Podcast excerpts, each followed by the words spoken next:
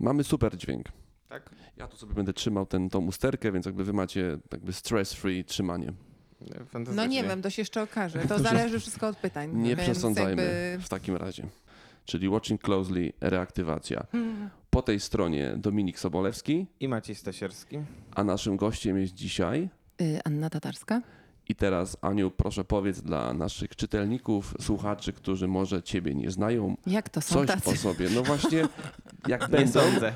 to znikną. Ale po tej rozmowie myślę, już wszyscy będą wiedzieć. Nie, ja trochę żartuję, bo akurat mówienie o sobie to jest moja najmniej ulubiona część y, mojej pracy i zawsze jak ktoś prosi, żebym wysłała biogram, y, to mam ten moment, że zastanawiam się, co powinnam z niego usunąć i jak powinnam go skrócić. No ale to jest na inną rozmowę. Pewnie na temat tego, y, o ile wie, gorzej kobiety postrzegają siebie na rynku pracy y, niż mężczyźni. Y, Może to się później przewinie w naszej rozmowie. Ja. Ja jestem dziennikarką filmową, głównie też kulturalną. Absolwentką filmoznawstwa i wiedzy o, o kulturze. Pracuję y, pisząc o filmach, wywiadując, y, prowadząc spotkania na festiwalach i robiąc różne rzeczy okołofilmowe już 10 y, lat, y, tak w pełni y, zawodowo. No i y, możecie mnie czytać w różnych miejscach, bo jestem e, freelancerką, czyli wolnym strzelcem w mm, Onecie, w Gazecie Wyborczej, w Wogu, a tak naprawdę to wszędzie, bo przy tym rynku, o czym pewnie porozmawiamy za chwilę, to wszędzie, tak. A powiedz, y, która część tego uniwersum, w którym y, działasz, ci się najbardziej podoba? Taka jedna, powiedzmy, ta dziedzina, w której się najbardziej sprawdzasz albo najbardziej ci się podoba pracowanie w niej?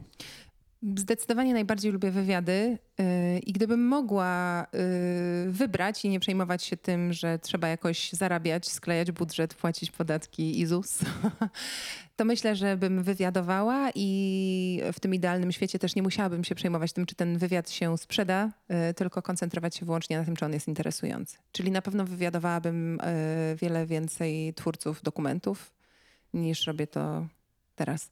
Ale rozmowy są najlepsze, no i w pandemii oczywiście najgorsze jest to, że one są e, zdalne właściwie wyłącznie. A jaki jest u ciebie na przykład ten y, stosunek wywiadów, które sama wymyślasz i sama sobie docierasz do kogoś, do tych, które ktoś ci zleca albo wiesz, że powinnaś z kimś porozmawiać? Nie, nie mówię tylko o samych premierach pewnych rzeczy, które narzucają te spotkania z twórcami, a takie te wy, wy, wywiady, które sama sobie możesz przygotować pod kątem jakichś swoich projektów.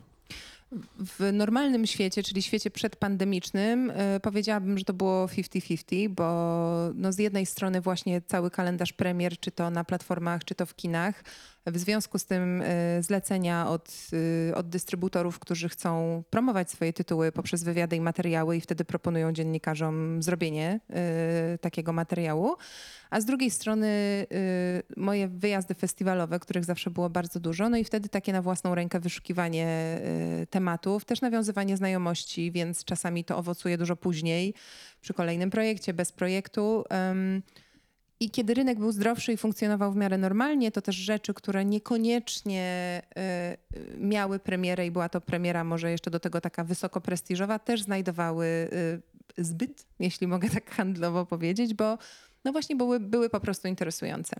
Mm, Teraz jest dużo gorzej pod tym względem. To znaczy, u mnie jest ok, w tym sensie, że ja pracuję, mam dużo zajęć, ale ta proporcja rzeczy zleconych, czyli stricte powiązanych z rynkiem, y, no, jakby premier i też z, no, z budżetami po prostu, nie oszukujmy się, jest y, absolutnie zaburzona na korzyść y, zleceń komercyjnych, dlatego że, no wiecie, jak są zamknięte kina, to znaczy też, że wszelkie media kulturalne mają odcięty jakikolwiek dopływ pieniędzy z patronatów, współprac, uczestnictwa y, i też na pewno y, ta konsumpcja y, informacji się, się zmniejsza, no to one chcą robić tak naprawdę tylko to, co albo im się na 100% kliknie, jak to się mówi, albo na co się umówiły z y, dystrybutorem. Czyli rządzi y, kalendarz premier VOD, platformy, no i ewentualnie wywiady zrobione i trzymane do premier y, kinowych, które na pewno wiemy, że, że się wydarzą. Ale, ale to jest przykre też dla mnie to obserwować, bo, bo nawet tak ostatnio y, szukałam, miałam jakiś fajny pomysł. Wiecie, przez tyle lat jeżdżenia na, festiwal, na festiwale też poznałam na przykład, nie wiem, agentów różnych pracujących w różnych krajach i zdarza się, że oni się odzywają i mówią na przykład hej, w Kanadzie teraz y, odbywa się festiwal filmów dokumentalnych Hot Dogs, mam tutaj świetnego reżysera i bohaterkę. No i patrzę na to, myślę, rzeczywiście, tu jest historia. I w tak zwanym normalnym świecie udałoby się coś z tym zrobić. A teraz, y, okej, mamy patronat do festiwalu, który w Polsce będzie ten film pokazywał, czyli już krok w stronę sukcesu. Ale budżetu jest tylko na jeden materiał i już wybraliśmy, jaki to będzie materiał i to będzie, więc nie robimy tego. I, i no, bardzo często tak walę głową w ścianę i szczerze mówiąc, czasami trudno jest y, tak wstać i optymistycznie spojrzeć w następny dzień z przekonaniem, że twoja praca wciąż ma sens, a nie jesteś tylko y, wykonawcą zleceń. No. Liczysz na to, że w perspektywie, nie wiem, najbliższych paru miesięcy to wróci do jakiejś takiej względnej normalności chociaż? W sensie do takiego, bo czy jest szansa w ogóle na powrót do tego, co, co, o czym mówisz, o czym mówiłaś przed pandemią? Wydaje mi się, że jest szansa na odbicie się i jakieś tam równanie w tę dobrą stronę. Mm, No bo jeśli znowu otworzy się i zdywersyfikuje rynek kulturalny, to też ludzie będą mogli chętniej z niego korzystać. Ich głowy przestaną być zajęte tylko tym, czy mam za co zapłacić rachunki, bo nie wiem, straciłem pracę albo jedną z trzech prac, które mam. E, Czy ktoś z moich bliskich jest, jest chory, e, czy jestem bezpieczny. Więc być może będą mogli te myśli znowu przekierować na różne rzeczy też przyjemności, a dla wielu osób wciąż przyjemnością na szczęście jest kultura. Więc myślę, że tak to się pod, podciągnie, poprawi, aczkolwiek powrót do tego dokładnie, co było, jest niemożliwe też ze względu na y, ewolucję mediów. Y, ta ewolucja i taka digitalizacja postępuje od lat. Ktokolwiek twierdzi, że jest inaczej, no jest, jest w błędzie albo jest boomerem z wadą wzroku dużą, bardzo większą niż moja i twoja razem. Ym, no i nie, nie, nie, jakby nie będzie tak jak, y, tak jak y, było, natomiast absolutnie nie wierzę w te wieszczenia, że media się skończą i że w ogóle mm, koniec i już tylko influencerzy na, na TikToku.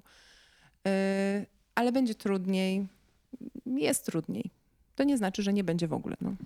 Bo w kontrze do pogody dzisiejszej, bo nagrywamy to 2 maja podczas majówki, która no za oknem wygląda jak listopad, to jednak chciałbym tknąć w tą rozmowę pewną nadzieję, bo tak sobie z Maćkiem rozmawialiśmy przed przyjazdem na spotkanie z tobą, Ania, że jest to historyczny prawdopodobnie miesiąc w życiu każdego z nas, kto ma jakiś bliższy związek z kulturą. Bo gdzieś tam wierzymy, że poprzez to, bo ja już z Maćkiem jesteśmy na przykład zaszczepieni, nie wiem Ja jak też. u ciebie. No właśnie, więc gdzieś myślimy sobie taką logiką, że ten moment emblematyczny zaszczepienia daje taki trochę paszport, że to teraz będzie lepiej. I ten świat się zacznie otwierać, może nawet szybciej niż myślimy, jakby trzymam kciuki. No i to jest ten moment, kiedy kino się na nowo otwiera. I mówię o kinie w bardzo szerokim rozumieniu. I chciałbym, jakby chcielibyśmy z tobą porozmawiać tak szeroko na temat tego, jak właśnie widzisz poprzez swoje obserwacje, jakby wstecz patrząc dekadę i swoją intuicję kobiecą i też intuicję branżową, Ludzką, ludzką. ludzką, okej.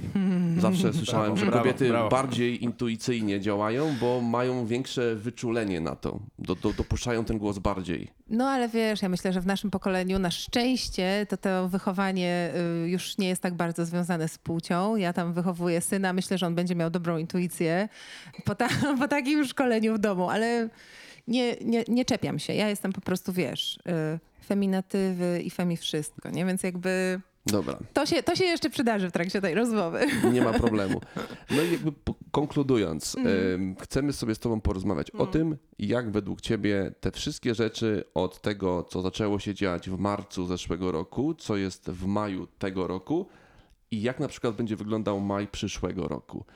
Bez żadnych jakichś takich e, wizji konkretnych, tylko poprzez pewne nurty, które już widzieliśmy, które już widzimy i które nadejdą. Bo no Pytanie jest jest tego, w sumie jedno takie, czy mm, po zaszczepieniu się w większości populacji, czy świat jednak e, nie powróci w pewnym momencie do, znowu do stanu, w którym będzie się zamykał? Bo to też może być problem i myślę, że o tym też trzeba niestety, o to, no, o to trzeba też, o, nad tym trzeba, trzeba też się zastanawiać. Myślę, że y, to pytanie, jakby odpowiedź na to pytanie jest wieloczęściowa y, i może należałoby zacząć od, y, od y, uświadomienia sobie naszego własnego przywileju i nie, nie bycia klasistą, czyli od tego, że żyjemy w pewnej bańce. Y, Tą bańką jest zarówno to, że jest dla nas ważna kultura i że żyjemy w bliskim z nią związku, ale też tym, że być może mm, w jakimś szerszym rozumieniu mamy podobne poglądy na różne sprawy, od spraw obyczajowych po kwestie świadomości naukowej i poglądy na tematy zdrowotne. I że pewnie wśród naszych znajomych ludzie szczepią się chętnie. Mm, Co oczywiście rokuje lepiej dla wydarzeń, dla wydarzeń kulturalnych. Tak? Nawet powiedziałabym, że pewnym trendem w naszym środowisku jest to, że się wrzuca na, y, na media społecznościowe tutaj swój paszport. Ja śmieję się, że ja nawet właśnie dzi- dzisiaj, mimo że drugą dawkę miałam w marcu y, ze względu na moje drugie y, zajęcie dodatkowe, to dopiero dzisiaj sobie uświadomiłam, że też powinnam zasygnalizować i, i, i, i zrobić hashtag szczepimy się. Ym, więc y, y, trochę nie wierzę niestety w to, że my się tak wyszczepimy populacyjnie, żeby... y, Nie trzeba będzie się zamykać. że nie trzeba będzie, no, nawet nie tyle zamykać, że nie trzeba będzie podejmować żadnych dodatkowych kroków. Myślę, że wbrew temu, co się mówi, maseczki zostaną z nami bardzo długo. Ale tak, myślę, że to na pewno jest krok w dobrą stronę, bo bez względu na to, jakie nowe mutacje się pojawią, no to jednak y, rozpoczęcie tego cyklu szczepień y, ogólnie zwiększa naszą, y, naszą odporność, więc być może idziemy w stronę minimalnie mm, normalniejszego funkcjonowania, a na pewno też daje nam narzędzie do jakiegokolwiek w ogóle mie- mierzenia, czy też wyobrażenia sobie poziomu zagrożenia. Bo wiecie, największy problem był taki, że jak to wszystko się zaczęło, to nikt nic nie wiedział. Po prostu nie wiedzieliśmy, co będzie dalej, jak bardzo to jest y, niebezpieczne. Dodam, że oczywiście teraz y, wydaje się, że jest mniej niebezpieczne, co wcale nie jest, y, nie jest prawdą. To też jest złudne, tak? Żyjemy z tym tak długo, że wydaje nam się, że to oswoiliśmy, a, a no, moi, moi przyjaciele potracili bliskie osoby i to też takie, które wydawało się nam nie są w grupie ryzyka, więc, więc to, nie jest, to nie jest mniej niebezpieczne teraz niż, niż w marcu zeszłego roku. Em, ale mamy jakieś narzędzie, które jest, pozwala na jakąś mierzalność, tak? Czyli na przykład na nadzieję, że jeśli w jakimś tam rygorze sanitarnym będzie organizowany festiwal, to będzie można na przykład y, przetestować jego uczestników, nie wiem, właśnie zrobić bramki termowizyjne, chociaż nie wiem szczerze mówiąc na ile to się utrzyma, bo wiemy też już teraz, że przecież można przechodzić y, COVID bezobjawowo. No ale są jakieś środki, które mogą pozwolić przynajmniej zachować pozór kontroli nad imprezą y, masową. I jestem przekonana, że to będzie wdrażane przez rozmaite y, kulturalne y, wydarzenia. Oczywiście problem, o którym trochę mało się mówi, jest taki, że to y, wydatnie zwiększa koszty takiego wydarzenia. Kultura i tak jest niedofinansowana, więc y, A szczególnie, a teraz jeszcze została dotknięta przez dos, dość mocno, myślę, że szczególnie mocno w okresie pandemii. No tak, tak, tak. Więc, więc no, też będziemy obserwować, to jest długoletni pewnie proces, jak to się odbije. Natomiast nie mam najmniejszych wątpliwości, że te wydarzenia, y, w których trzeba uczestniczyć i takie wydarzenia grupowe wrócą w jakiejś formie. Dlatego, że chociażby w świecie kina, no, o którym wszyscy wiemy najlepiej, więc tutaj się naj, najłatwiej odnosić. Mm, Takim emblematycznym przykładem jest y, historia filmu Parasite, który na poprzedniej ceremonii zdobył cztery Oscary. Filmu, który gdyby nie to, że zadebiutował w Cannes, gdyby nie to, że był ten cały taki jakby marketing i PR szeptany wokół niego, że jacyś ludzie, którzy decydują o tym, co się wprowadza do kin w różnych zakątkach świata, usłyszeli od swojego dobrze postawionego kolegi, o stary, wiem, że nie lubisz koreańskiego kina, ale ten film to jest niezła jazda, no musisz go zobaczyć, to oni poszli do tego kina, zobaczyli pewnie pierwsze 15 minut znając życie, bo tak, tak to działa i powiedzieli, okej, inwestuję w to moje pieniądze, bo to się będzie opłacać. Cannes wypłynęły w świat hura optymistyczne recenzje, które się rozlały wszędzie. I tak, step by step, od maja 2019 do lutego 2020, film, owszem, uznanego, ale artystycznie, w świecie artystycznym, w jakimś hermetycznym świadku, tak, a nie kurde w, w świecie Bradów Pitów i, i, i innych takich, film z Akademii, z rozdania nagród Akademii wyjeżdża z czterema nagrodami.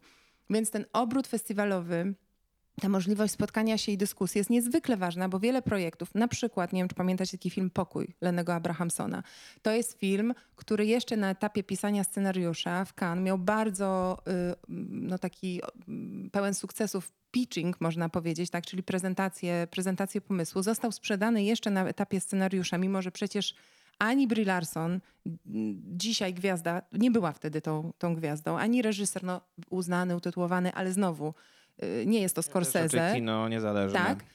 Oni na tak wczesnym etapie, dzięki znajomości schematów, dzięki sieci znajomości, jakby rozkręcili zainteresowanie wobec tego projektu, które się skończyło y, prestiżową premierą w Toronto i tym, że ten film miał chyba cztery nominacje i ona dostała Oscara za główną rolę kobiecą. I mi się wydaje, że w tym sensie festiwale i ten obieg taki trochę bardziej niezależny, nie związany tylko z dużymi y, plakatami na ulicy, on jednak zmienia kino i on się aktywnie przyczynia do tego, o czym dyskutowaliśmy na przykład w kontekście Oscarów teraz, czyli że Oscary już nie są takie białe, że wreszcie jest więcej kobiet, yy, że się mówi też otwarcie podczas ceremonii o tym i nikt cię tam nie wypipkowuje i nie każe ci yy, schodzić ze sceny. Oczywiście, że ta zmiana jest też w protestach, w ogóle w zdjęciu odium wstydu, z mówienia głośno o pewnych problemach, ale ona według mnie też jest tym obrocie y, niezależnym. Więc myślę, że to się będzie jakoś tak samo regulowało z czasem i że ludzie za bardzo za tym tęsknią i za bardzo wiedzą, że to jest potrzebne, żeby odpuścili mm, to po prostu na rzecz premier na platformach i zero kontaktu.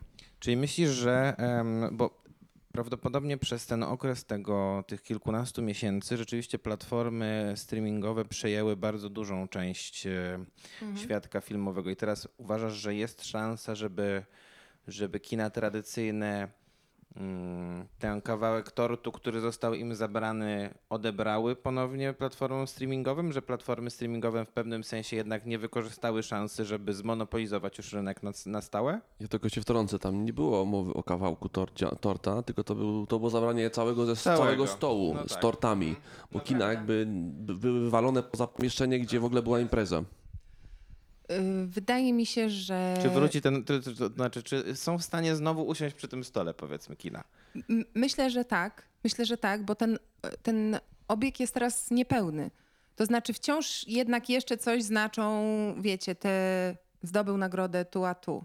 Y, Chociażby dla platform takich jak y, Netflix, y, który wydaje mi się dopiero od czasów Romy zaczyna sobie też budować markę wśród bardziej wymagającej y, publiczności. Ale kampania Oscarowa robi fatalne. To jest, to jest inna sprawa, ale chodzi mi o to, że mm, jakby nic nie jest dla każdego i właściwie właśnie, jedynym takim środowiskiem są platformy, które mogą zarówno mieć ofertę ambitnych filmów, jak i total, totalne crowd pleasery, jak i show kulinarne, yy, które zresztą z przyjemnością yy, oglądam yy, wieczorami i nie zamierzam się tego wstydzić.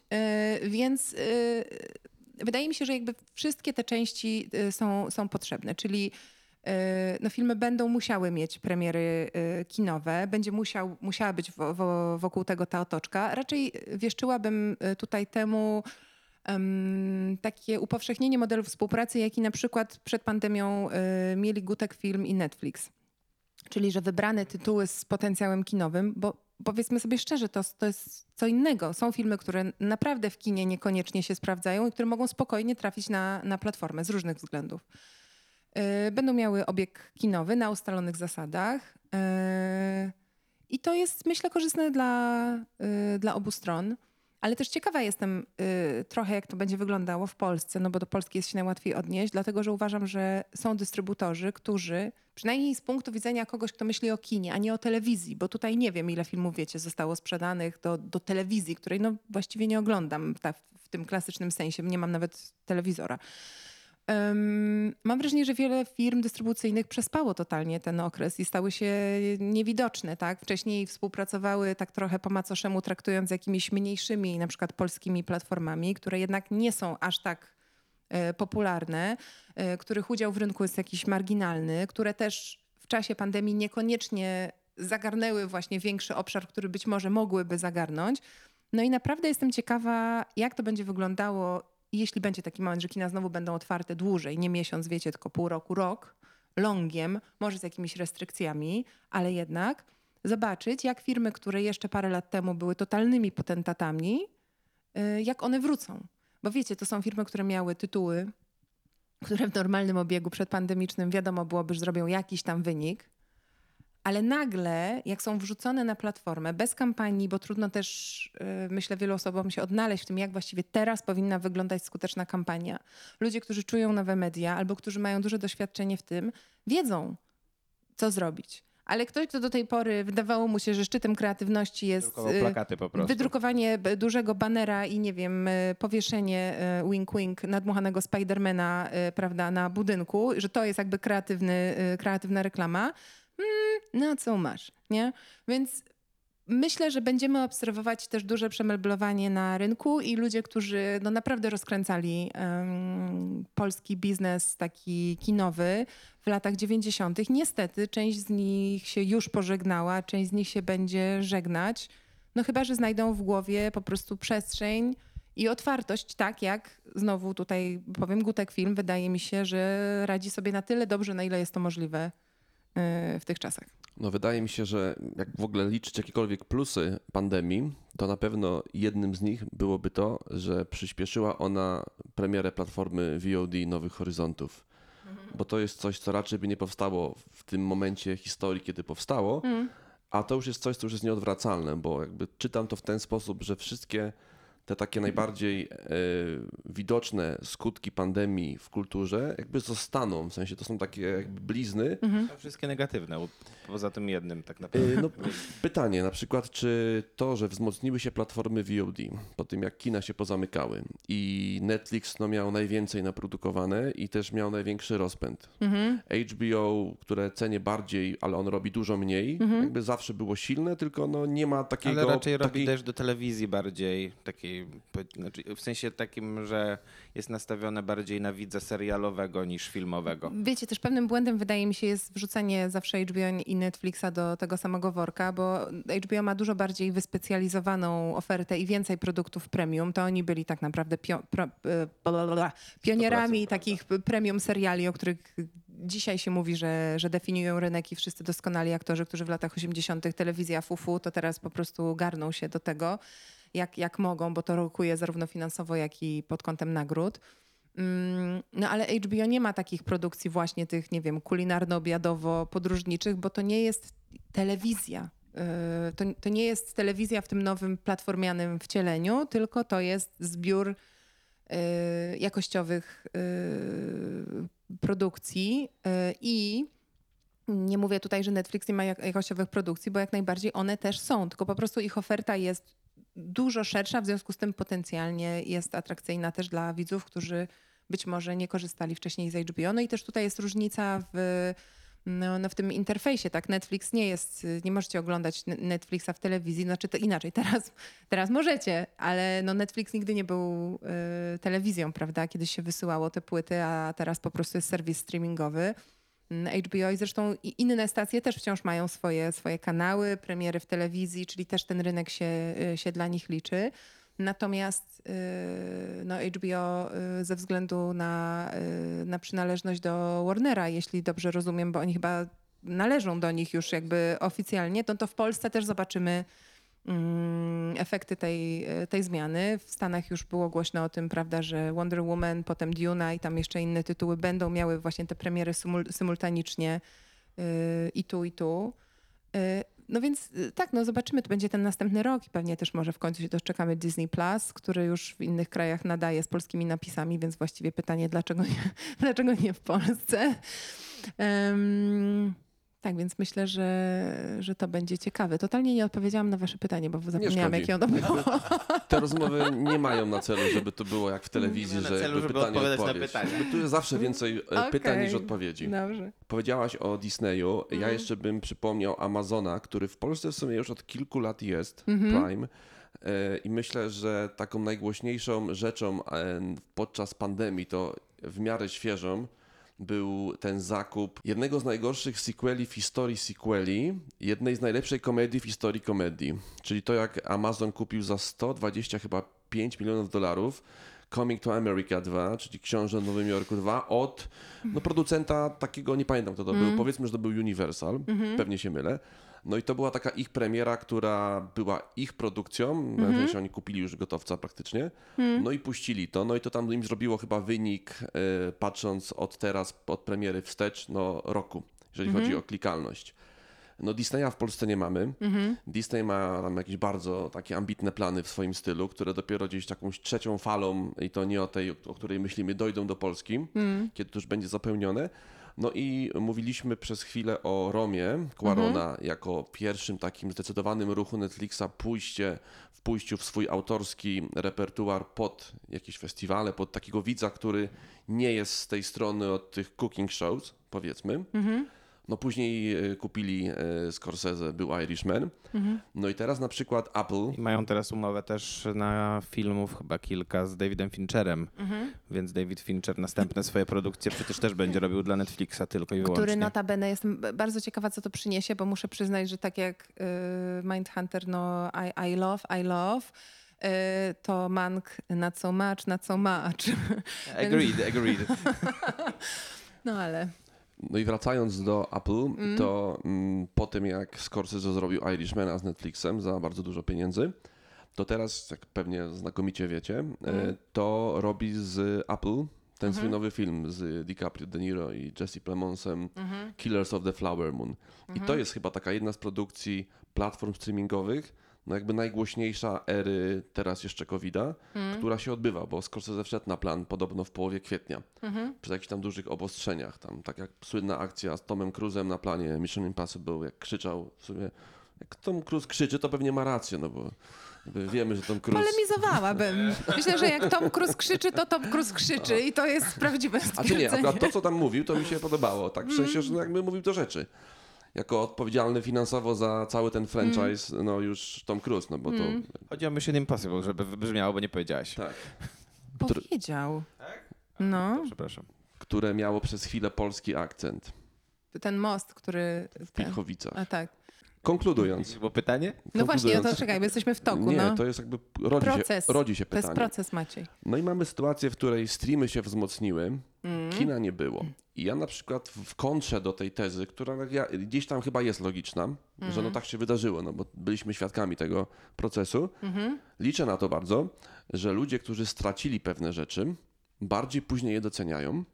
I to, że ludzie stracili oczywistość, jaką jest wyjście do kina, wyjście na festiwal, czy nawet już nie tak głęboko wchodząc w kulturę i w kino, po prostu wyjście do ludzi sprzed tej kanapy, która zawsze będzie wygodna wieczorem, jak pada, albo jest się zmęczonym po pracy, to jak stracili ludzie po prostu możliwość, nawet nie chęć, tylko możliwość pójścia i zobaczenia czegoś w kinie, na festiwalu czy gdziekolwiek, to liczę, że teraz jak to wróci, to przynajmniej mówię sam za siebie, jeszcze bardziej będę cenił, bo to już nie jest coś oczywistego, wzięte na zawsze, że tak po prostu będzie, bo jak pokazał ostatni rok, no niekoniecznie. No myślę, że masz rację i też wiecie, ta brać dziennikarsko-filmowa jest bardzo zróżnicowana, tak jak pewnie każda inna branża. I ja na przykład słyszałam od wielu osób y, głosy zadowolenia, że festiwale są dostępne online, że one wreszcie mogą wziąć udział i oczywiście z jednej strony taka demokratyzacja y, jest super, no ale ona też implikuje pewne zmiany w ogóle w obrębie branży, o czym może, y, może za chwilę.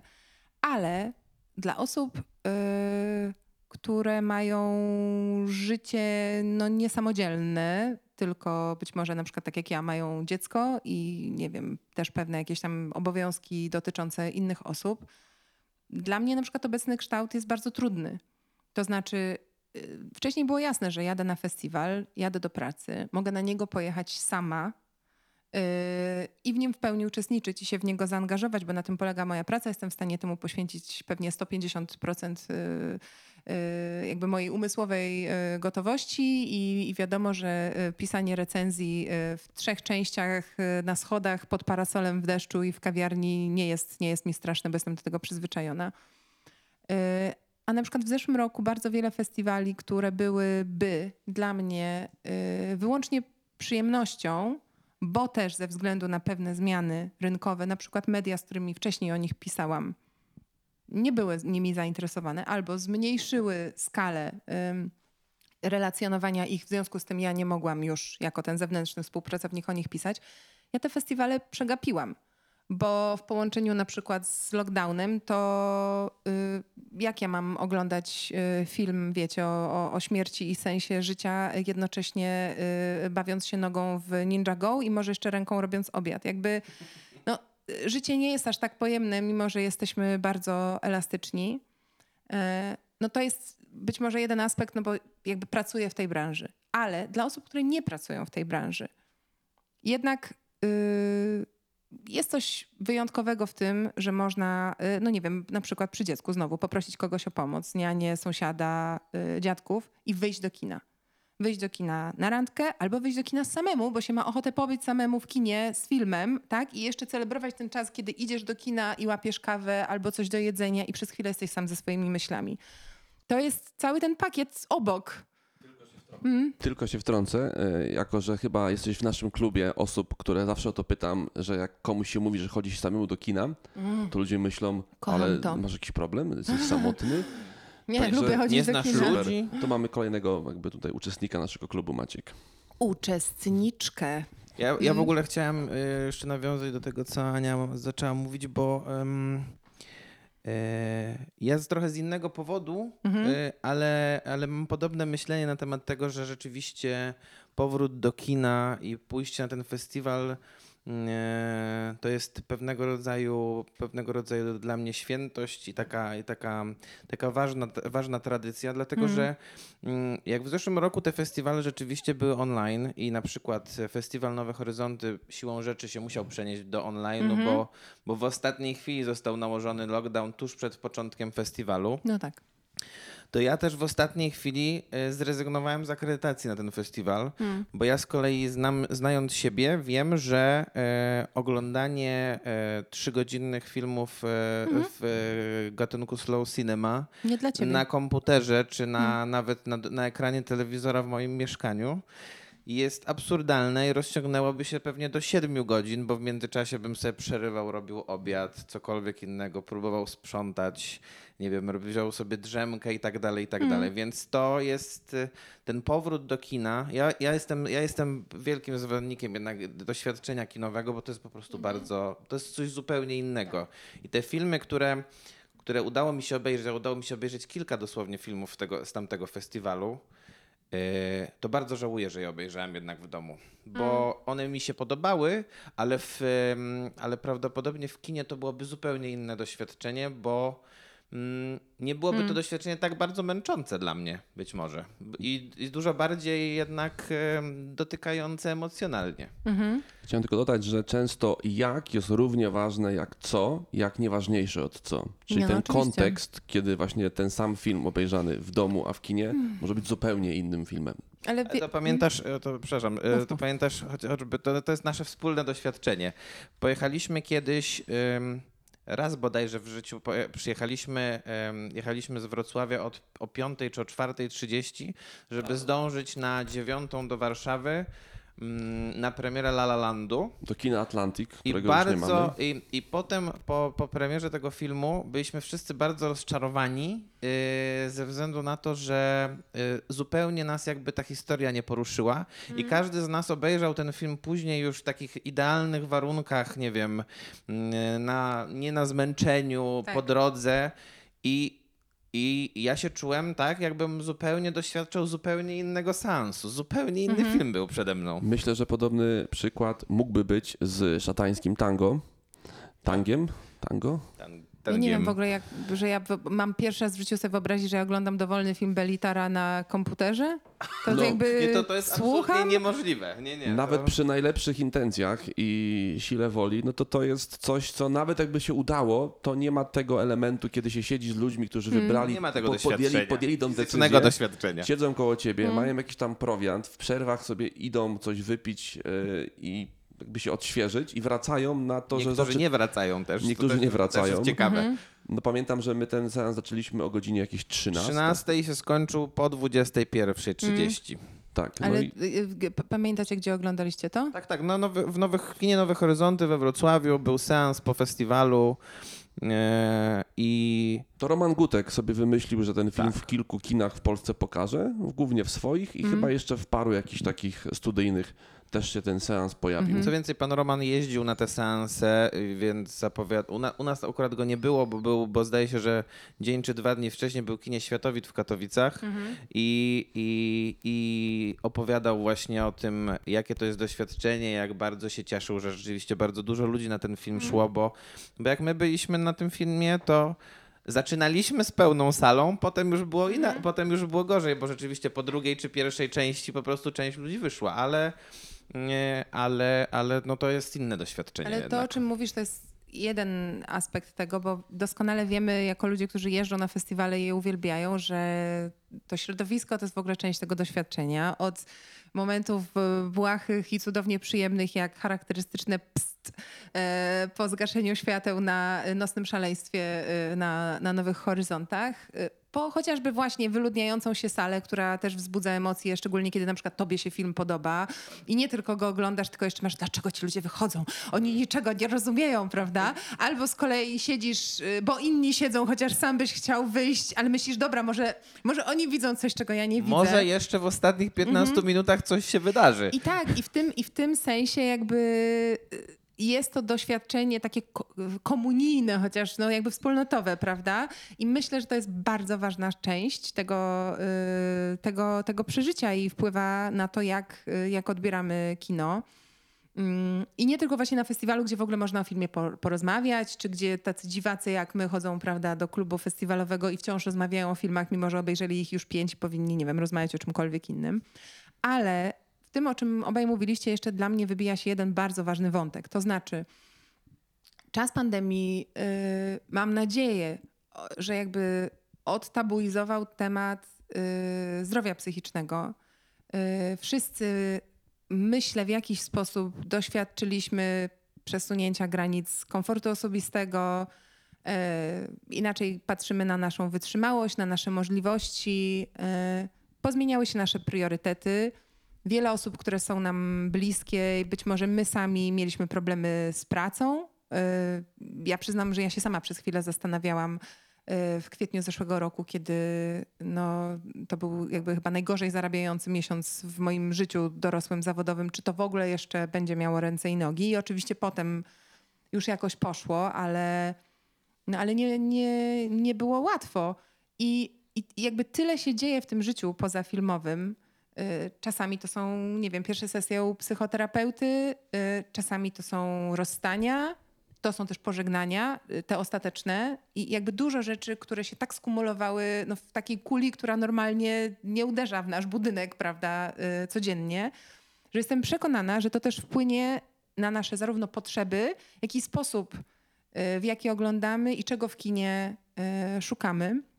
I myślę, że z jednej strony będziemy i mieli inną relację z tym kinem, no powiedzmy tam jakoś ambitniejszym, przynajmniej na poziomie emocjonalnym, bo to niekoniecznie musi dotyczyć formy, tak? Ale z tym kinem, które właśnie próbuje mówić o tym, o tym wszystkim, co gdzieś nam się wysypało ze świata yy, przez ostatni rok. Ale z drugiej strony, i widzę to po sobie, chociaż może tutaj nie, nie będziemy mieli prawda, wspólnego doświadczenia, ja zauważyłam, o ile chętniej konsumuję szeroko rozumianą dobrą rozrywkę. To znaczy, mój poziom y, zażenowania y, totalnymi klopsami y, się nie zmienił. Mm, y, I, i, i, I cały czas mam, mam w ogóle taki, odczuwam niemalże wstyd, jak y, mm, próbuję oglądać coś i to jest po prostu takie złe i takie poniżej, y, zarówno filmy, jak i jakieś reality TV czy coś takiego. No nie, nie mogę, nie, jakby nie, nie, nie zdzierżę. Ale z drugiej strony tak, na przykład oglądanie powiedzmy trochę lżejszego kina, seriali, czy właśnie jakichś programów w mojej głowie zostawiło minimalny zapas na to, żeby też nie przestać czytać książek. I nie byłam w stanie robić wszystkiego na 150%, tak jak wcześniej. Wcześniej trochę byłam jak robot, nie? Jakby jak byłam w domu, to byłam w domu, ale potem wyjeżdżałam, a zawsze wyjeżdżałam dużo, odkąd pracuję i po prostu no, w pracy byłam w pracy. I nieważne, że właśnie leciałam, nie wiem, 10 godzin do Stanów na wywiad i że w Polsce jest, kurde, trzecia rano, ale trzeba prosto z lotniska iść na wywiad i nagle być super sharp i po prostu gotowym i, i, i, i, i potem jeszcze napisać bardzo mądry tekst. Co swoją drogą, dygresja jest y, dla mnie o tyle interesujące, że teraz też odkryłam, jak pracuje moja głowa, bo ja na przykład często mam tak, że znajduję jakiś swój stary tekst gdzieś w sieci i mam tak, ja to, na, ja to napisałam? Nie no, niezłe, ale w ogóle nie pamiętam tych myśli, bo jakby chyba mój, e, ten mechanizm porządkujący w głowie jest taki, że ja nie jestem w stanie tego wszystkiego kumulować, nie? Że to jest jakby tak, masz taki e, po- pojemnik kosz i on się tam oczyszcza raz na, nie wiem, e, jakiś czas. No ale reasumując, myślę, że po prostu no, jesteśmy inni niż byliśmy e, w marcu 2020. To nie jest dobrze albo źle, po prostu tak jest, więc myślę, że kino, które gdzieś tam zawsze czerpie z naszego życia, tylko potem robi z tym różne śmieszne wygibasy i platformy i cokolwiek jeszcze przez to rozumiemy, będzie też musiało jakoś to uwzględnić. Czyli z jednej strony, mm, tak sobie myślę, że kino się, tak jak powiedziałaś, bardziej otworzy na temat śmierci w ogóle w, swoim, w swojej twórczości. Jakby to będzie mniejszy temat tabu. Czyli Może, może, może. może stanie się odważniejsze poprzez to, że ludzie już przeżyli swoje i przeżyli to w swoim pokoleniu. Tu nie mówimy o wojnie, tylko mówimy o czymś, co jest gdzieś tam jakąś wojną biologiczną z naturą No, albo jest, z człowiekiem. jest to jedyne y, wspólne doświadczenie jakiejś formy kataklizmu, jakie ludzie w naszym wieku mieli i mam nadzieję będą mieć. I też jedyne łączące na, na taką skalę, gdzie między ludźmi mieszkającymi, nie wiem, na prowincji w Indiach, a w Warszawie są jakieś punkty wspólne. Chociaż oczywiście też nie chciałabym tutaj przesadzać, bo myślę, że no, skala opieki medycznej różni się znacznie, o czym zresztą powstało kilka bardzo ważnych tekstów, ale to, że tak powiem, ten rdzeń jest i nas łączy. Mhm, więc ja trochę tak myślę filozofią Michaela Jordana, który zawsze próbował swoje porażki albo w ogóle problemy przekuwać w to, że to było później na jego korzyść. Jak sobie złamał rękę, to nauczył się grać lewą i później był oburęczny. Więc miejmy nadzieję, że to będzie jakiś pozytywny skutek i niepozytywnego okresu, który wszyscy przeżyliśmy na szczęście. Mówię wszyscy przy tym stole. I oby, to, i oby tak to jakby bez zmian trwało.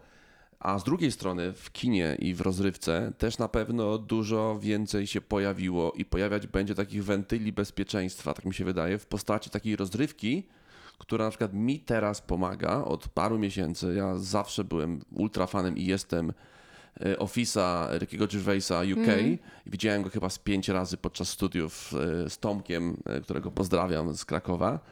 I miałem także amerykański, uwielbiam Steve'a Carella, ale miałem tak, że obejrzałem kiedyś tą pierwszą serię, która była trochę kopią e, tej brytyjskiej i tak poczułem, mm-mm. aktualnie jestem pod koniec czwartej serii i dla mnie obejrzenie sobie tego typu rozrywki raz dziennie, raz na parę dni jest dużym odstresowaniem się od takich tych tematów, które przed chwilą tutaj poruszyliśmy. Ja tylko chciałam powiedzieć, że wydaje mi się, że to jest trochę tak, że świat po prostu y, filmu może być jak ten y, Steve Carell, że na początku był tylko śmieszny i trochę żałosny, a teraz przy okazji jest jeszcze zajebisty i, z, i zniuansowany, ale wciąż nie, jednak zabawny, nie? Mhm. Piękne słowa. Przejdźmy do jakichś ten, do jakichś takich spokojniejszych tematów może. Bo chcieliśmy też z tobą porozmawiać już e, bardziej o twoim guście filmowo, serialowo, telewizyjnym, różnym. E, Ale chciałem zacząć jednak od, od też równie świeżej sprawy, co pandemia. Nie wiem, czy śledziłaś Oscary? Y, Ze względów obowiązków zawodowych bardzo nawet, za bardzo. No, y, I rozumiem, że jesteś zaznajomiona z większością filmów, które pewnie były nominowane czy nagrodzane. Tak. Jak w ogóle oceniasz em, tegoroczne em, rozdanie? Z jednej strony, jak oceniasz pomysł na tą ceremonię, który wydaje mi się jednak e, chybiony, mm, a z drugiej strony, jak oceniasz e, te, te, te, te nagrody z punktu widzenia tych, którzy dostali je po prostu? Y, może zacznę od samej ceremonii, bo to jest łatwiejsze. Y, jak pewnie doskonale wiecie, to był najniższy wynik oglądal- oglądalności w historii i to, To tak bardzo, dramatycznie, bardzo dramatycznie najniższy. niski, ponad 50% niższy niż y, w zeszłym roku, a w porównaniu... Poprzedni był już najniższy też. Tak, tak, bo y, no właściwie y, jakoś jak przez lata to było tak około 40 milionów widzów, a w tym roku było jakoś kilkanaście, chyba 14. Nie, w tym roku Osiem? pie, pierwsze, pierwsze mm, statystyki mówią o 9,5 miliona. No tak, a no, no b- A bardzo po, źle. w stosunku do poprzedniego roku, w którym było ponad 23.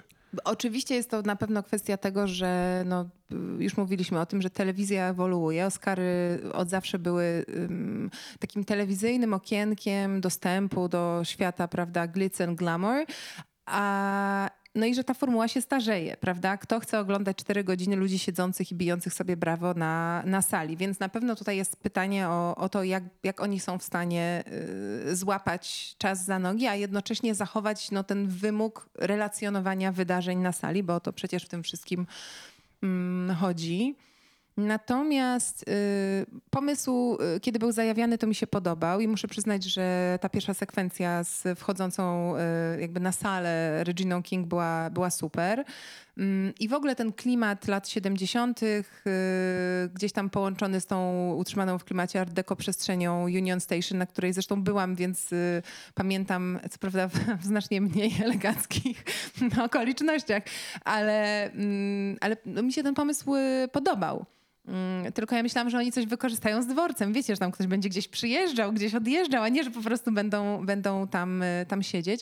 Wydaje mi się, że gala miała problemy y, realizacyjne. To znaczy y, ta sekwencja otwarcia była zrealizowana, no tam była obniżona saturacja, trochę ziarna, tak jakbyśmy rzeczywiście Tam było oglądali. filmowo rzeczywiście. Tak, a potem nagle zrobiła się z tego kiepska jakościowo relacja i to jeszcze pamiętam, że chyba przy ogłoszeniu e, kategorii aktorskiej, jak najechali na Carrie Mulligan, to światło przy niej było popsute i tak migało z tyłu i wtedy już sobie pomyślałam o matko. Jest, jest po prostu bardzo, bardzo źle, bo to trochę zaczęło wyglądać jakbyśmy og- oglądali rozdanie jakichś nagród z Pcimia, tak? A nie, a nie z Hollywood. Więc no myślę, że chybiony pomysł.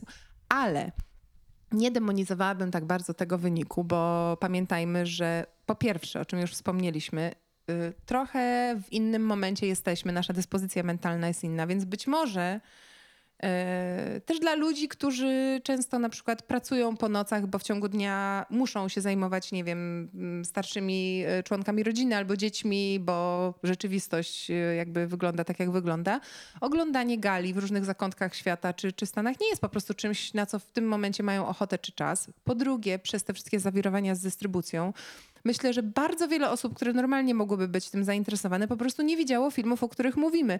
Jeśli my, będąc w tej branży i pracując w branży, nie widzieliśmy wszystkich tych, y, tych filmów, To ja, legalnie się nie dało. ja sprawdziłam i dzięki temu, że y, w zeszłym roku y, byłam na festiwalu w Wenecji y, i na festiwalu w Curychu y, i dzięki temu, że miałam akredytację na Sundance, to y, i dzięki temu, że jako dziennikarka mam możliwość poprosić PR-owca firmy X, żeby mi dał voucher, czy tam mam dostęp do konta online, to y, wszystkie filmy poza y, shortami dokumentalnymi chyba miałam szansę obejrzeć.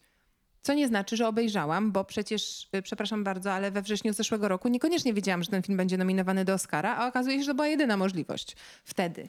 Y, Dystrybutorzy nie mogli udostępniać kopii często, bo właśnie film ma zaraz wejść do kin, a i tak wiele z tych filmów, które czekają cały czas na premierę, liczą na to, że ludzie je zobaczą w kinach, są po prostu bezlitośnie e, piracone. Tutaj wszystkim słuchaczom, którzy na Piracie oglądali Nomadland, mówię, źle zrobiliście i tak musicie na to pójść jeszcze raz do kina, więc nice try, ale nic z tego. No i po prostu kto poza jakimś pasjonatem, fascynatem ogląda galę, która dotyczy czegoś, co nie ma pojęcia, o co, o co w tym wszystkim chodzi. No, tak sobie też Plus jeszcze galę, która nie ma prowadzącego. Bo ja tego nie wybaczę Akademii, bo jak mówiliśmy przed chwilą o rozrywce i Mm. na przykład taki Ricky Gervais, który prowadził te globy, nie wiem czy ponownie wróci kiedyś, bo zarzekał się zawsze, że ostatni raz, żeby sobie podnieść czek za kolejny raz. I to Mhm. było coś, bo ludzie nawet, którzy mają gdzieś globy, ja na przykład dla mnie to nie jest żaden wyznacznik. Tam Ja globy, globy, no. globy zawsze oglądam dla prowadzących. No. Oscary nie, bo Oscary mają dużo gorszą historię prowadzących. Oscary są w totalnym rozkroku, bo oni są jakby uwiązani y, tą koniecznością bycia glam, więc oni chcą jednak mieć kogoś, kto jest bardzo y, rozpoznawalny. A przez to, że rynek się zmienił, Ale też bezpieczny. No, ale właśnie to jest ta druga część, prawda? Y, Że jednak ci prowadzący globy zawsze byli bardziej y, kontrowersyjni, a jak był ktoś niby kontrowersyjny, y, tak jak, jak się nazywał reżyser Teda?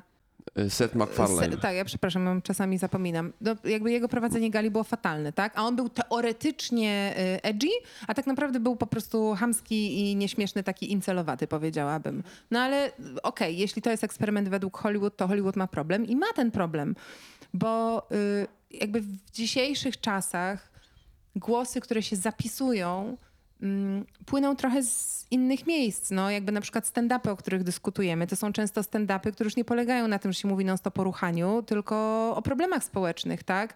Y, o inkluzywności.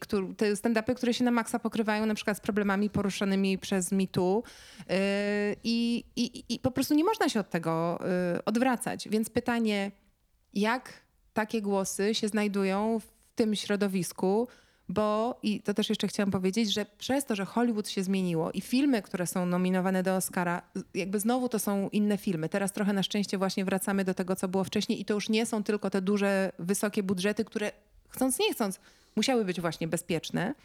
To być może wracamy do, do, do czasów, gdzie też ten prowadzący będzie mógł jakoś sprawniej e, lawirować e, pomiędzy tymi światami, a jedyną jakby jedyną kwalifikacją nie będzie to, że ma bardzo znaną twarz i, i, i zarobił miliony w filmach, tylko też będzie miał coś do, do powiedzenia. No ale nie mam złudzeń, że nie wiem, e, Hanna Gatsby gali Oscarów y, nie poprowadzi, chociaż to by, to nie, to by było bardzo depresyjne rozdanie jednak myślę, że połowa by się zabiła, a druga połowa by już nigdy nie chciała grać w Myślę, filmach. że ona była raz chyba zaproszona, czy dwa razy na nagrody Emmy Mhm. i przy, przyznawała jedną nagrodę i tak, i tak ta publiczność, nawet Mhm. ta publiczność składająca się z gwiazd telewizji też, tak, też tak uśmiechała się trochę półgębkiem, bo oni chyba nie za bardzo czuli jednak mm, ten taki self-deprecating, że tak powiem, e, sposób humoru, który ona, który ona preferuje. No ale wiecie, bo my żyjemy w strasznie trudnych czasach, tak naprawdę. Wszyscy chcą być piękni, a z drugiej strony nie możemy być seksistami.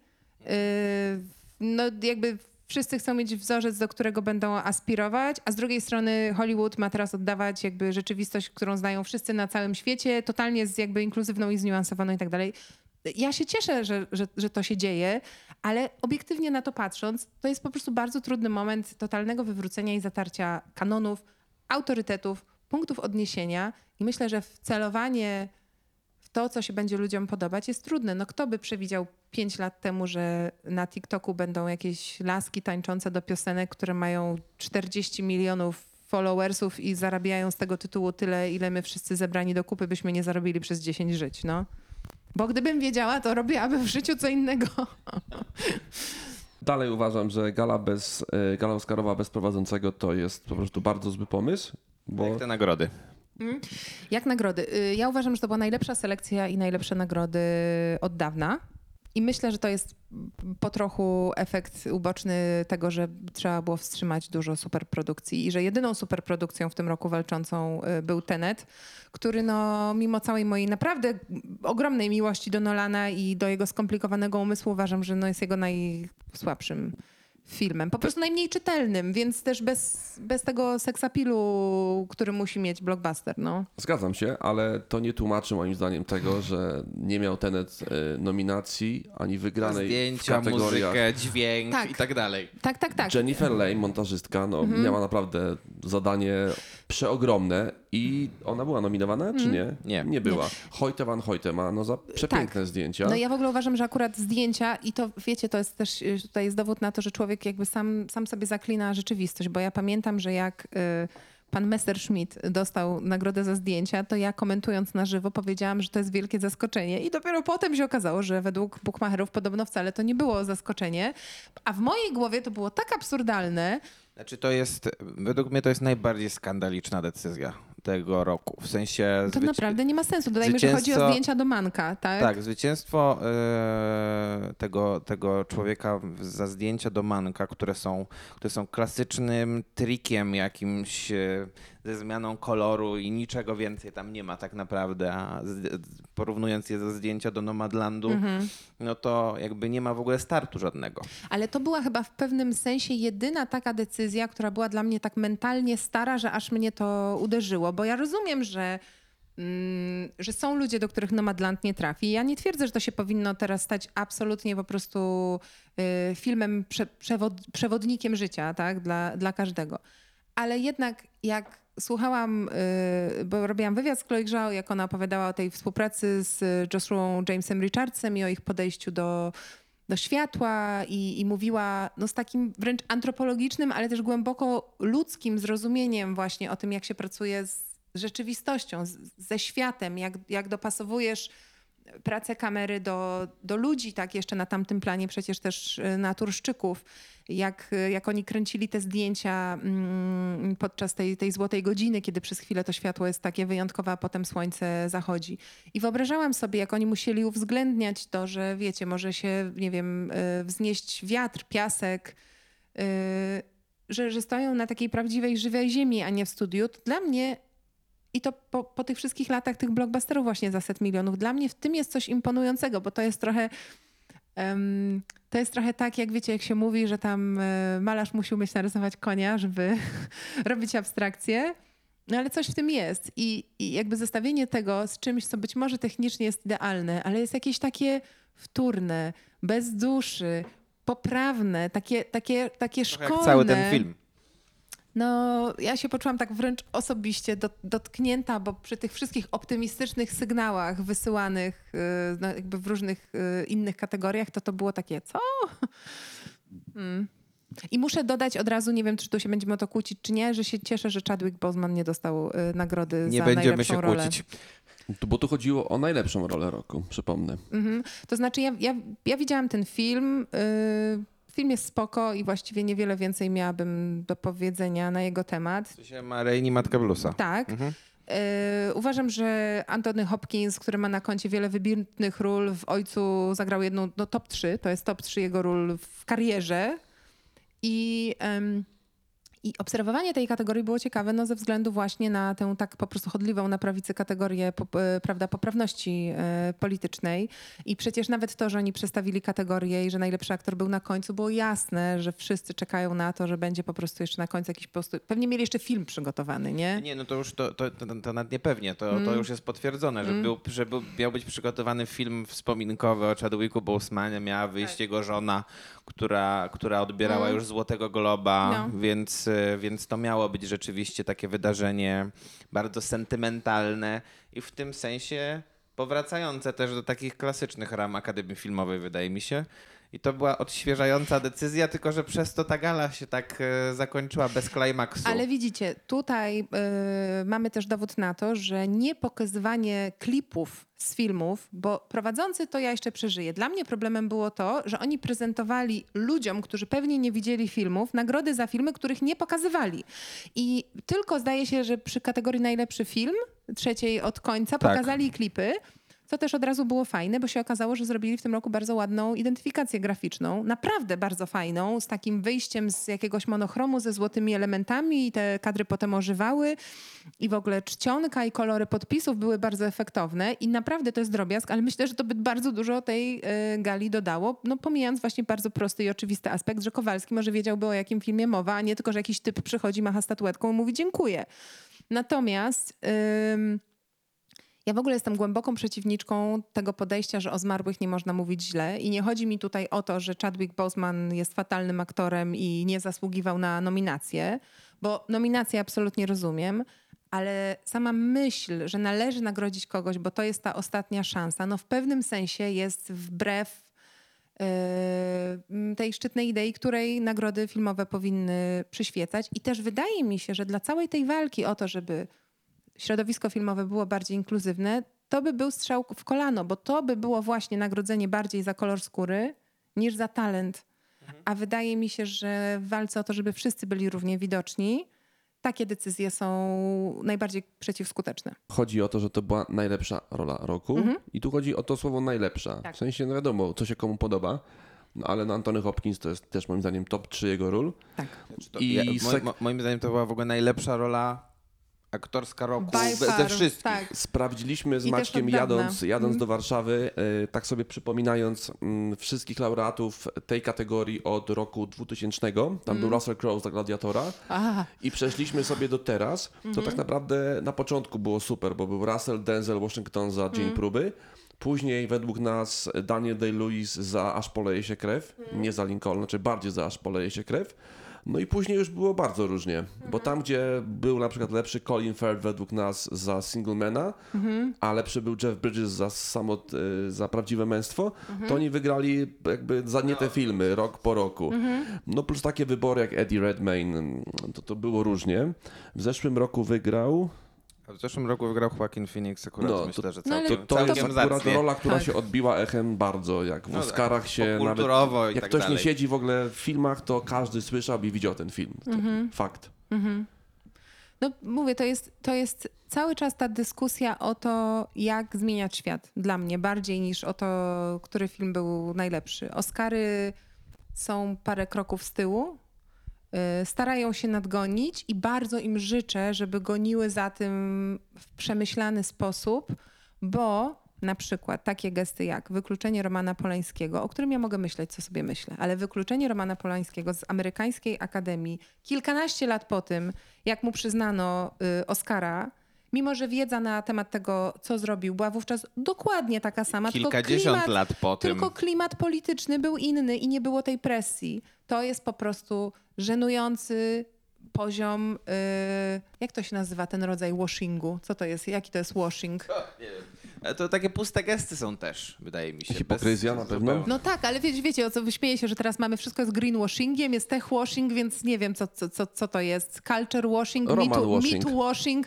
To jest jakiś, jakiś rodzaj washingu, który jest po prostu żenujący i znowu to powiem, kontrskuteczny, bo chodzi o to, żeby naprawdę zrozumieć zmianę. I to też jest coś, co, y, co możemy teraz w mediach obserwować, że te media, które próbują być sztucznie na czasie przez jakieś inkorporowanie, wiecie, jakichś właśnie, nie wiem, klipów, TikToków, Instagrama, bez zrozumienia, co tak naprawdę buduje sukces na tych platformach, no to, to wygląda tylko po prostu żen- żenująco boomersko i wcale nie, nie, nie rezonuje, że jednak, i być może to jest ta optymistyczna obserwacja, wciąż najbardziej liczy się autentyczność. Tylko ona się wyraża w inny sposób i funkcjonuje w innych miejscach i jest inaczej widoczna.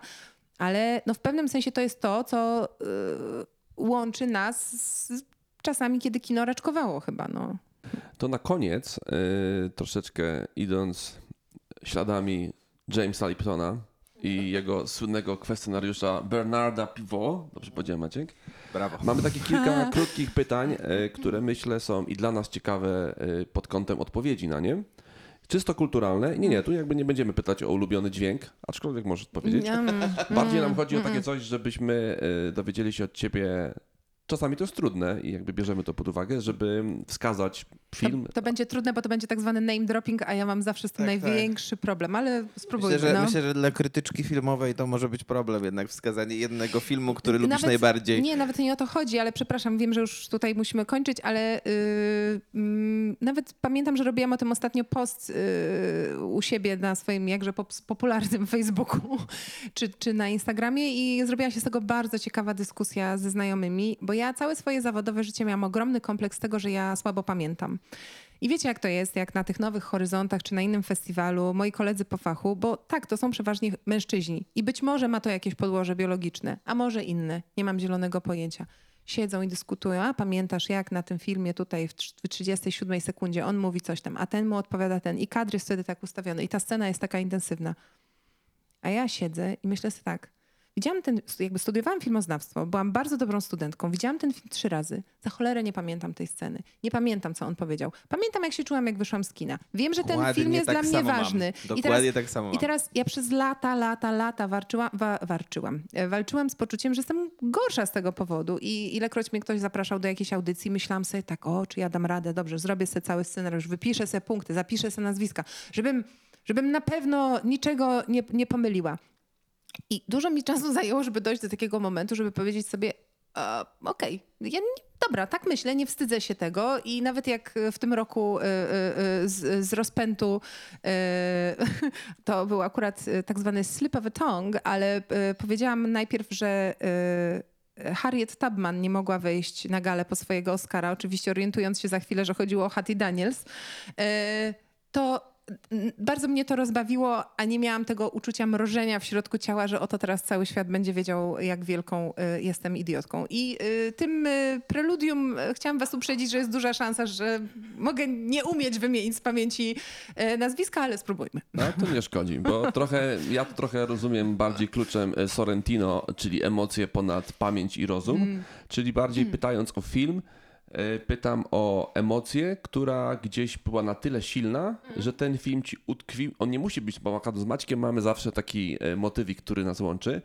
że moim filmem, który stworzył moje kinofilstwo i na zawsze będzie, mimo że może kiedyś obejrzę lepszy film, ale obawiam się, że nie.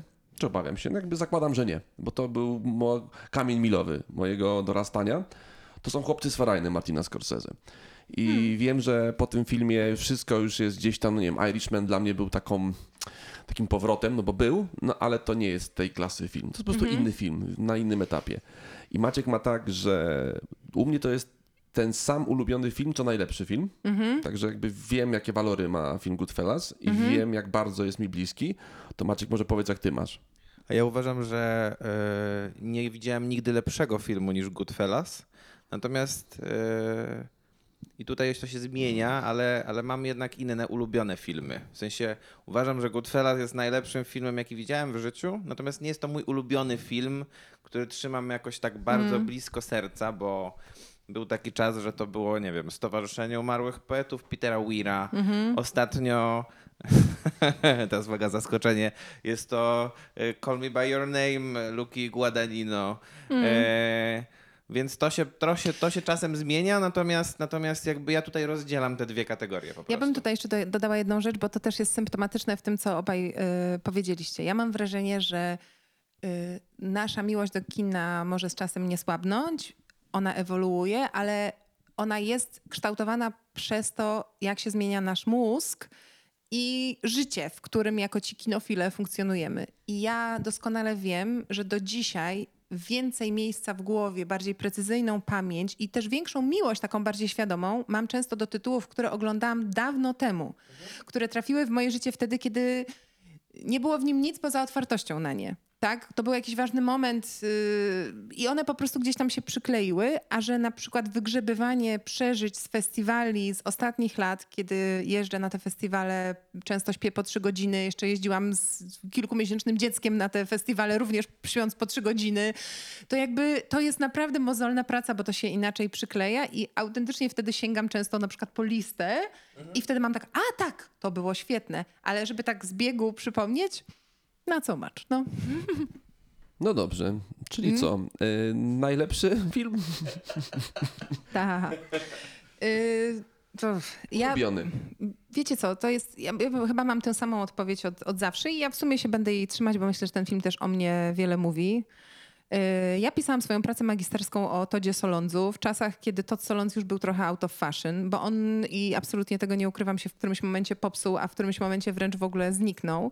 Natomiast przez jakiś czas Todd Solondz był dla mnie... Uważam, że Winner Dog jest wspaniałym filmem. No ale, ale cisza trwa, tak? Trwa cisza. Niektórzy mówią, że rodzicielstwo go popsuło i no, no wiesz, na swój sposób to rozumiem. Ale mm, przez jakiś czas to był dla mnie naprawdę najpełniej filmowy wyraziciel wszystkiego, czego chciałam w kinie, wszystkiego, czego w tym kinie nie było widać. On się idealnie jakby też czasowo wpisał w ten przełom, kiedy filmy niskobudżetowe zaczęły być filmami średniobudżetowymi i zaczęły być widzialne. Więc y, ja pamiętam, że bardzo długo myślałam sobie, że jeśli poznam kogoś i tam, nie wiem, będę chciała z nim pójść na randkę i nie będę pewna, y, jak powinnam go oceniać, to on musi obejrzeć film Happiness i jak uzna, że to jest y, porąbane i nieśmieszne, to generalnie nie ma sensu tego ciągnąć. Więc Dominik myślę, ma, że to Dominik jest... ma podobną rzecz e, z ten. Jak zapraszał dziewczyny na randki, to kazał, to, to często oglądał z nimi wielkie piękno. Czy nie I pytałem, to, czy widziały, a jak nie, no to mówiłem, to, to obejrzmy. Ale, ale zresztą uważam, że filmy są świetnym miernikiem randkowym, bo ja kiedyś dawno, dawno y, temu pamiętam, byłam na jakiejś bardzo pomyłkowej y, randce z, y, y, z pewnym chłopakiem i oglądaliśmy razem y, Małego Wielkiego Człowieka z Dustinem Hoffmanem. Pamiętacie ten film? To jest taki bardzo nietypowy western, a właściwie antywestern. Ym, no to jakby nie będziemy teraz tłumaczyć, widzowie też sobie mogą to wygooglować, ale ogólnie naprawdę niezwykły film, też symbolizujący pewien moment mentalnej przemiany w Stanach, inaczej całkowicie podchodzący do tego tematu jakby podbijania y, tak zwanego dzi- dzikiego zachodu, ale przede wszystkim no, trwająca chyba z, z dwie i pół czy tam trzy, trzy, trzy godziny, taka przeszywająco smutna ballada z dość wolnym tempem, bardzo kontemplacyjny film, ale uważam niesamowity. No i też miałam tak, o, widzę, że się nudzi, okej, nic z tego nie będzie. Dobra, koniec. Oczywiście, no bo y, tak jak nasz znajomy Tomek Raczek, on troszkę też tak to wszystko czytam, że no, filmy są lustrem, w którym się sami sobie przyglądamy i jeżeli oglądamy to z kimś, kogo w sumie mało znamy, a ten film, jeżeli ktoś jest też przy okazji czuły trochę na sztukę i na tą empatię, że współuczestniczy w historiach innych ludzi na ekranie, Mhm. to widzimy, czy ktoś w ogóle te same nuty ma przed oczami, co my, czy zupełnie inaczej do tego podchodzi. Nie no, kino jest w ogóle takim genialny, ge- genialnym papierkiem lakmusowym relacji, bo na przykład, yy, nie wiem, zastanawiam się, jaki tutaj tytuł byłby mm, idealny. No ale na przykład, dobra, choć, weźmy właśnie chociaż tamte dni, yy, tamte noce. Dla mnie jest jasne, że gdybym poszła na ten film do kina z kimś, nie wiem, przyjacielem, kolegą, potencjalnym partnerem, pracodawcą i na przykład widziałabym, że on się wierci z dyskomfortem y, na scenach seksu, podejrzewam, że moja opinia na temat tej osoby nieco by się obniżyła. Znając mnie, pewnie chciałabym potem o tym porozmawiać i być może okazałoby się, że, że tak powiem, przyczyna tej sytuacji leży gdzie indziej, ale jeśli film na przykład pozwala wyciągnąć z kogoś to, że ta osoba no, jest uprzedzona tak, czy, czy nietolerancyjna, to to też jest cenne dla mnie narzędzie. Albo pozwala też spojrzeć, nie wiem, odkryć czyjeś poglądy polityczne, bo po niektórych filmach też są mocne dyskusje na temat... no nie wiem, właśnie jakichś, jakichś konfliktów, y, prawda, czy, czy postrzegania, nie wiem, y, władzy, czy dopuszczalnego poziomu in, ingerencji władzy w, w życie człowieka. A już y, najgorzej jest, jak ktoś przedkłada y, po, jakby przesłanie nad y, jakość filmu. Gdybym kiedykolwiek y, poznała kogoś, kto uznałby, że Smoleńsk jest wartościowym filmem ze względu na to, jaki punkt widzenia reprezentuje, uznałabym, że ludzkość jest stracona. Ale ponieważ ci ludzie istnieją, to myślę, że Są jesteśmy straceni. Mhm. Tak, No, tak. Smoleńsk wskoczył na pierwsze miejsce IMDb top bottom, prawda? Jest na pierwszym miejscu najgorszych filmów świata. Słuchaj, niektórzy lubią być top, niektórzy lubią być bottom. Wszystko jest okej, naprawdę. No. Najbardziej przereklamowany film według ciebie, taki, który istnieje w świadomości jako wielce wielbiony, a ty uważasz, że no absolutnie nie. Yy? Nie wiem, czy on jest wielbiony, ale już padł ten film. I to pewnie nie jest najbardziej w mojej, yy, w mojej głowie, ale taki, o którym bym pomyślała i to jest Dzień Próby. Yy, Ja uważam, że ten film był w ogóle totalną oscarową pomyłką. Nie wiem, dlaczego akurat wtedy, wtedy wjechał. Wszyscy, którzy ten film robili są jakby wartościowi i tak dalej. ale Ten film mnie tak po prostu nie obszedł, że moje życie bez niego nie byłoby ani o nic uboższe. No. To teraz pytanie dalej. E, czy dalej to Solons, czy może inny ulubiony reżyser aktualnie pracujący, robiący filmy, na którego tak masz, że jak zobaczysz robi nowy film, to chcesz wszystko się dowiedzieć, o czym to będzie? Zdecydowanie nie to Solons teraz, no bo to Solons po prostu przestał robić filmy. Ja myślę, że takim ukoronowaniem mojego kin- kinofilskiego i też studenckiego marzenia było spotkanie Toda Solonza, jak on był we, w Wrocławiu w 2012 roku. To już było po mojej magisterce, więc ja miałam wtedy okazję go poznać i mu, i mu opowiedzieć. Pamiętam, że y, podawał mi swój e-mail wtedy, bo tam coś mu miałam wysłać i, i ten e-mail brzmiał dokładnie tak, jakbym sobie wyobrażała jego e-mail, więc jakby to, ta, ta, ta fantazja na temat Toda Solonza została do, dopięta i, i, i spełniona. Mm, teraz myślę, że znaczy z jednej strony to jest taka odpowiedź yy, teraz bardzo w trendzie, ale już od jakiegoś czasu właśnie Chloe Zhao. Yy, od yy, czasu, jakie jest polskie tłumaczenie tego pierwszego filmu Pieśni braci moich chyba. Ja miałam okazję ten film oglądać no, już tam te pięć lat temu i on zrobił na mnie ogromne wrażenie. Potem był Jeździec, który był w Polsce pokazywany właśnie na y, Amerykanie chyba, nie na Horyzontach. No więc, y, więc to było ona na pewno. Mm. Czyli teraz czekasz na to, aż, wy, aż wkroczy w świat Marvela. Bardzo, bardzo czekam, bo ona też mówiła w wywiadach bardzo dużo o tym, jak oni jej dużo dali wolności, ale nie tak jak zwykle, wiecie, w pustych frazesach, tylko też podając przykłady, na przykład mówiąc o tym, że używali minimalnie g- green screenu. Więc ja jestem, i że większość rzeczy była kręcona... Wie, To nie tam- Marvel. Ale o to mi chodzi, że tam było bardzo dużo sygnałów, które były takie totalnie dezorientujące. Więc jestem ciekawa, y, ale chyba Steve McQueen, wydaje mi się. To jest, y, bo to jest taki cichy rewolucjonista. Mi się wydaje, że od czasu no, też komercyjnego sukcesu Zniewolonego, gdzie idealnie Myślę, że oni wtedy obsadowo też idealnie to rozwiązali, bo jednak do filmu na mega ważny temat, filmu, który inaczej nie wiem też jakby się sprzedał, bo mam wrażenie, że na tamtym etapie, w tym 2015 roku, Ameryka jednak, choć trudno w to uwierzyć, wciąż jeszcze była mentalnie na poziomie, że film, te- ten czarny, jakby czarny film to jest film o niewolnikach, ale taki trochę inny niż tamten.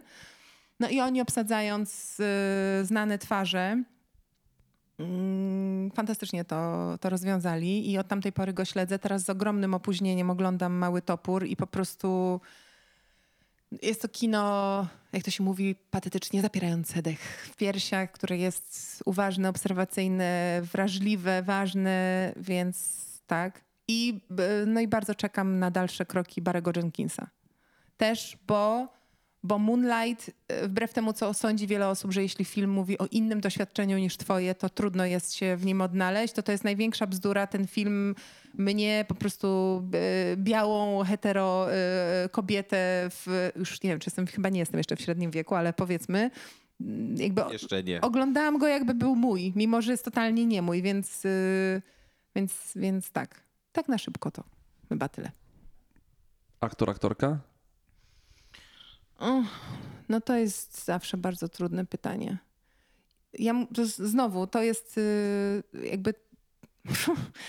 To jest to jakby tegoroczne Oscary tutaj y, w dużym stopniu mam wrażenie determinują odpowiedzi na to pytanie, ale no ja jestem od dawna psychofanką Frances McDormand y, i nie tylko za to, jak doskonała jest aktorką, ale też za to, że otwiera branżę na kobiecość w dużo szerszym spektrum niż przez lata było to utarte. Myślę, że wiele z nas, ale też wielu z nas nie zdaje sobie jednak sprawy na to, jak bardzo naprawdę te, te wizerunki utrwalane przez media od reklam po filmy wpływają na nasze życie, jak bardzo rzutują potem, nie wiem, chociażby na nasze życie intymne, na, na to, jak postrzegamy wstyd, na to, że wstajemy codziennie rano i zamiast mijając się w lustrze powiedzieć jesteś super, myślimy sobie, ale jesteś obrzydliwa, nie? Jakby filmy nam to robią w dużym stopniu. I takie Frances McDormand są na maksa, na maksa ważne, bo, bo, bo są, bo są, nie przepraszają za to, że są, są dumnie w tej przestrzeni i to jest na maksa y, wzruszające. Czy w ogóle uważam, że cała branża marketingu próbuje nam wmówić, że nam wszystkiego brakuje i że dopiero jak zrobimy to czy tamto będzie dobrze. No ale to jest co podstawa konsumpcjonizmu, więc nie two- może być no, no inaczej. Mm. tak, no, tworzymy potrzebę, która nigdy nie będzie zaspokojona. Aktor? Kurczę, no właśnie to jest ten moment, że chyba autentycznie nic, yy, nic mądrego teraz yy, nie wymyślę, bo byłoby łatwiej, gdyby, gdyby mój taki cy- cykl ym, aktora, do którego pokątnie wzdycham, trwał. Bo on trwał właściwie odkąd y, obejrzałam Titanica, no i tak wtedy to był Leonardo DiCaprio. No i przez lata oczywiście jakby to byli różni aktorzy. Tam pamiętam, że był na tej liście Jake Gyllenhaal. Leonardo DiCaprio się źle zestarzał. Y, Wiesz co, on się źle zestarzał dla mnie przede wszystkim z tego y, punktu widzenia, że on się zestarzał, a jego partnerki się nie starzeją, a jakby dla mnie to jest coś, co jest Rozumiem. odpychające w mężczyźnie, więc jakby not interested. Czy niesamowite było to, jak on chodził z Bradem Pittem po wszystkich programach, tam Mm. Jimmy Fallon i ekipa, oni mają chyba 11 lat różnicy w wieku? No, chyba tak, coś takiego. To, to Brad Pitt wygląda po prostu tak cztery razy Myśl- lepiej. Myślałe- myślałeś, że jest tylko o- odwrotnie.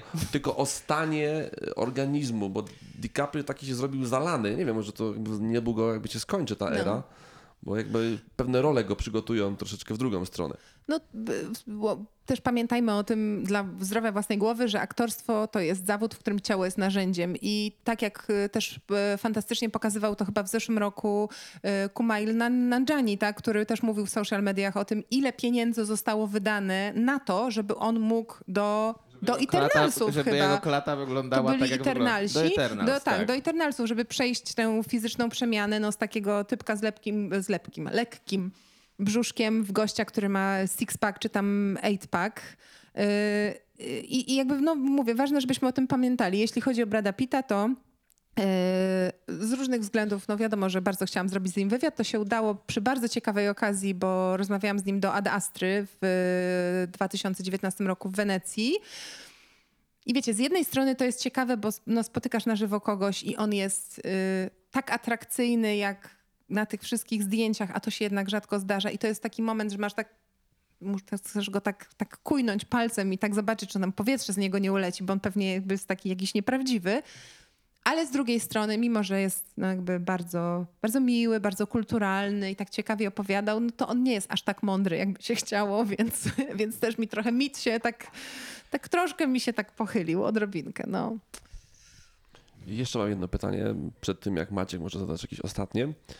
Jeden film, który nie jest powszechnie znany, a na przykład według ciebie jest tak super, że, chciała, że go polecasz innym, tak na przykład, żeby nawet w kimś trochę rozbudzić taką kinofilską, e, kinofilski trochę taki nerw. O matko, wiesz co, ja jak takie pytania się zadaję, to ja zwykle y, idę w głowie do lat 70., tylko mam teraz właśnie ten case, że nie pamiętam, y, jak się nazywa film, w którym gra y, Jane Fonda, a w tytule jest kobieta i tam jest taka super scena seksu z nią i z Chrisem Christophersonem. Y, Podałam wystarczająco dużo danych, żeby sobie to zgooglować, Y, ale autentycznie nie mogę sobie teraz przypomnieć, y, jak ten film To się nazywa. Szybciutko internet to znajdzie. I ogólnie bardzo polecam. Po, po, po, przypomnij fabułę.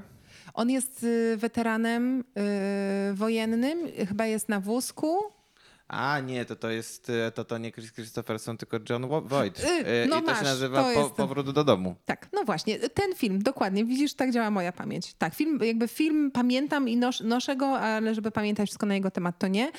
Y, I ja w ogóle lubię kino z tamtych czasów takie, gdzie jeszcze jakby w mainstreamie była przestrzeń na rzeczy nieoczywiste, bo one z czasem zostały inkorpor- inkorporowane do mainstreamu. Więc y, rozmowa z Ginem Hackmanem. Mm, A z innej beczki to nie pamiętam polskiego tytułu, ale na maksa polecam film e, Because I'm a Cheerleader. Z- To jest film z 2001, z 99 roku i to jest jakby mm, jedno z pierwszych też tak szeroko widzialnych podejść do tego, żeby po pierwsze się zmierzyć no jakby z niezwykle szkodliwą praktyką terapii konwersyjnej, ale żeby zmieszać humor w takim powiedzmy zjadalnym, akceptowalnym kształcie z no bardzo nieśmiesznym e, tematem. Więc tak na szybko to chyba tyle. No to Co? myślę, że fajnie było z Anią porozmawiać. Myślę, że na pewno. No mam nadzieję, słuchajcie, bo inaczej to zmarnowaliśmy strasznie dużo czasu. Nie zmarnowaliśmy ani sekundy. Tak, no i teraz tylko życzyć nam wszystkim tutaj, żebyśmy się spotkali już gdzieś na jakiejś filmowej okazji. Najlepiej na festiwalu, myślę. Za granicą, z winkiem. Zacznijmy od Wrocławia. Też może być. Może tak. być. zacznijmy? Niech to Biorę. będzie jedna, jedna ze stacji. Biorę, biorę, okej, dobrze. Dziękujemy. Ja dziękuję. Dzięki. Do zobaczenia.